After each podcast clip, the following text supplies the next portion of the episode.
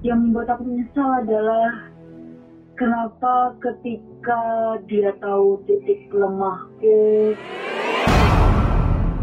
tidak tidak akan menyesal. Oke, lalu bagaimana kamu menjalani hidup-hidup, menjalani kehidupan kamu saat ini dan berdamai dengan rasa penyesalan tersebut? Apakah kamu benar-benar sudah berdamai atau masih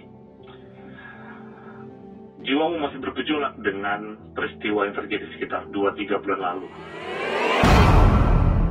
Tidak pernah ada kejadian yang membuatku semenyesal ini dalam hidupku.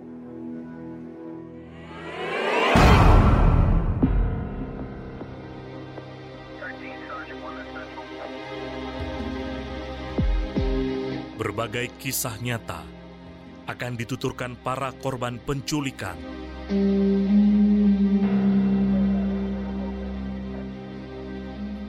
yang selama ini belum pernah diungkapkan.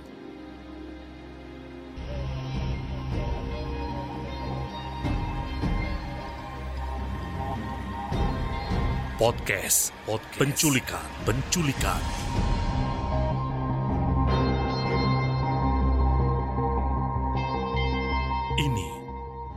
Bukan tindakan kriminal. Ini adalah kisah nyata.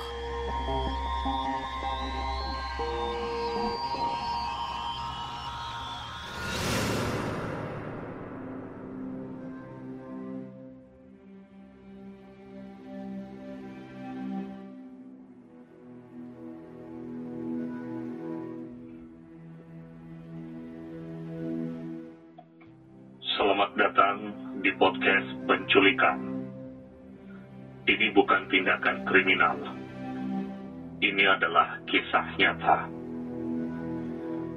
Tantangan 30 hari bersuara oleh komunitas podcaster Indonesia sudah memasuki hari ke 23. Kali ini tema yang diangkat adalah tentang penyesalan.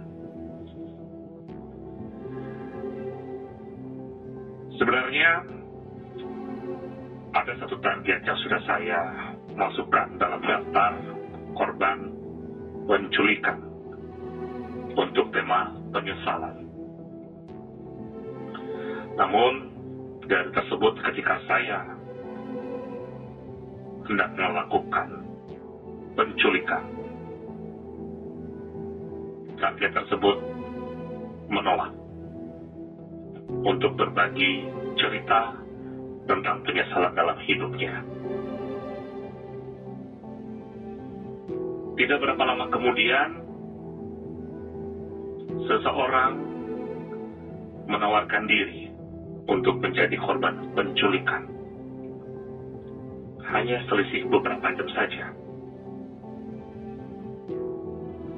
Dari penolakan yang saya terima sebelumnya. Lalu saya bertanya, apakah ada penyesalan dalam hidupmu? Dan dia menjawab, ada.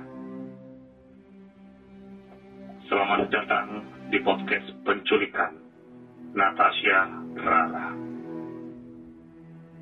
Halo, selamat selamat malam. Natasha Rara. Anda Iya. sangat beruntung sekali. Dan sepertinya Anda menjadi tumbal dari target korban sebelumnya yang menolak untuk saya culik berbagi cerita tentang penyesalan. Dan Anda hadir menawarkan diri untuk diculik. Kenapa? Karena saya ingin membagikan kisah-kisah saya yang tajam sikat ini kepada Anda di podcast Korban Penculikan. Salah. Podcast penculikan. Oke, Anda adalah korban penculikan. Oke. Natasha Rara. Ketika saya bertanya, apakah ada penyesalan dalam hidupmu? Dan Iya. kamu menjawab, ada. Penyesalan apa itu? Penyesalan yang pernah aku lakukan adalah aku pernah mempercayai seseorang lalu dia mengkhianati saya. Mempercayai seseorang lalu mengkhianatimu. Ini Iya. mempercayai dalam hal apa? Apakah percintaan, bisnis, pertemanan, atau urusan apa ini sebenarnya? Percintaan dan pertemanan. Percintaan dan pertemanan. Kenapa Iya. itu bisa terjadi? Bagaimana kronologisnya? Baik, jadi ceritanya aku berteman, aku berteman dengan temannya mantanku. Mhm. Karena aku pikir dengan aku berteman, karena aku pikir dengan berteman dengan temannya mantanku, aku bisa mendapatkan informasi, aku bisa mendapatkan informasi tentang apa yang mantanku sukai, apa yang dia tidak sukai dan sebagainya. Tetapi aku salah menilainya. Ternyata dia di situ diam-diam mende- mendekatiku, lalu diorek-oreklah tentang hubunganku dengan dia, dan akhirnya aku ditusuk dari belakang. Dia merebut mantanku dari aku. Kejadian tahun berapa ini? Barusan, Barusan. yes, Barusan itu berarti dalam hitungan bulan. iya, dalam hitungan sekitar dua, dua atau tiga bulan yang lalu. Dua atau tiga bulan yang lalu. Yes, Kamu mempercayai temannya waktu itu kamu masih menjalin hubungan dengan mantan kamu. iya, betul sekali. Setelah berapa lama hubungan itu berjalan? Dua tahun, Dua tahun. Dan akhirnya pertemanan kamu pun kandas dengan yes, kisah percintaanmu juga. yes. Lalu, apa waktu itu yang membuat kamu akhirnya menyesal berteman dengan temannya mantanmu ini? Yang membuat aku menyesal adalah kenapa ketika dia tahu titik lemahku, ketika dia tahu titik lemahku, ketika aku mempercayai dia untuk menyimpan ceritaku tentang kisahku bersama mantanku ini, dia malah menjadikan itu sebagai senjatanya dia untuk melumpuhkanku, untuk menjadikan itu sebagai senjatanya dia agar bisa mendekati mantanku. Dan ketika kejadian ini terjadi, masih sekitar 2-3 bulan lalu, apa yang kamu rasakan dalam hidup kamu saat ini? Dampak apa dari kejadian tersebut dan membuat kamu menyesal? Dampaknya buat kehidupanku saat ini adalah aku sedikit jadi tidak mempercayai orang-orang yang ingin deketin aku. Entah itu temen atau orang baru ataupun orang-orang lama. Lalu ketika kamu menawarkan diri untuk menggantikan target saya sebelumnya sebagai korban penculikan dan cerita ini akan didengar oleh orang-orang, apakah kamu sudah siap dan tidak akan menyesal di kemudian hari? Tidak, tidak akan menyesal. Oke, lalu bagaimana kamu menjalani hidup-hidup, menjalani kehidupan kamu saat ini dan berdamai dengan rasa penyesalan tersebut? Apakah kamu benar-benar sudah berdamai atau masih jiwamu masih bergejolak dengan peristiwa yang terjadi sekitar 2-3 bulan lalu? Sebenarnya untuk berdamai itu jujur saya sebagai seorang manusia saya sebagai seorang manusia memang rasanya untuk berdamai apalagi atas apa kejadian yang saya alami itu tidak mudah dan tidak gampang. Tetapi seiring berjalannya waktu, saya selalu uh, menyibukkan diri dengan hal yang positif. Walaupun awalnya susah-susah dan sangat susah. Dan sempat ada keinginan untuk bisa memisahkan mereka karena kebetulan mereka berdua akhirnya jadian sempat ada rasa untuk memisahkan mereka tapi no itu terlalu terlalu jahat.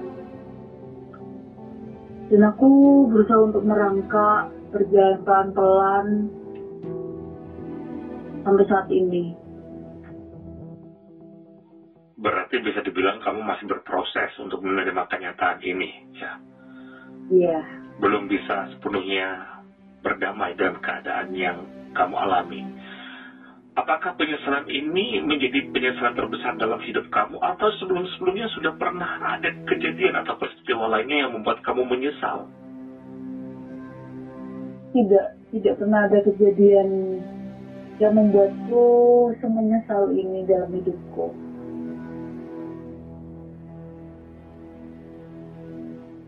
Karena hmm aku merasa mempercayai seseorang yang kukira bisa membantuku untuk mendapatkan informasi, untuk berbagi cerita, karena dia tahu dan kenal lama dengan mantanku.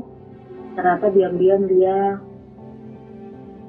ya dia menusuk dari belakang, mengambil kelemahan mengambil celah dari setiap sus uh, dari setiap sisi sudut cerita-ceritaku yang aku tumpahkan ke dia.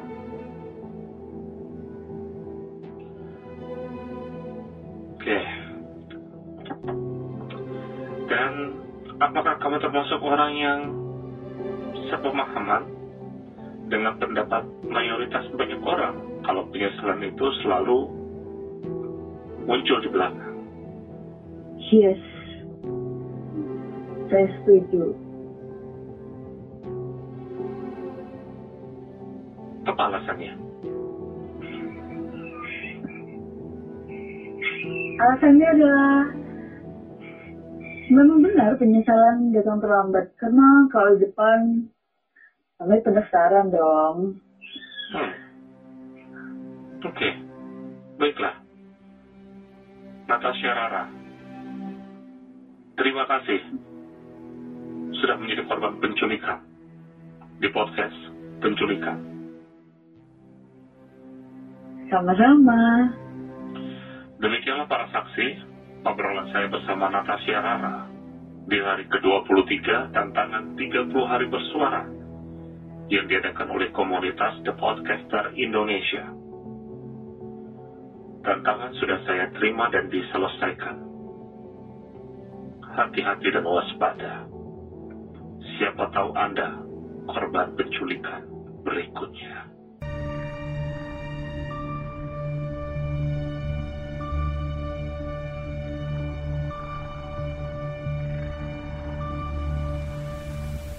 Terima kasih telah mendengarkan podcast penculikan.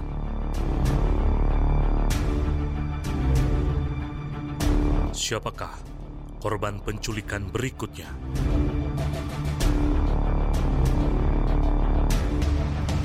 Hati-hati. Bisa jadi Anda yang akan saya culik.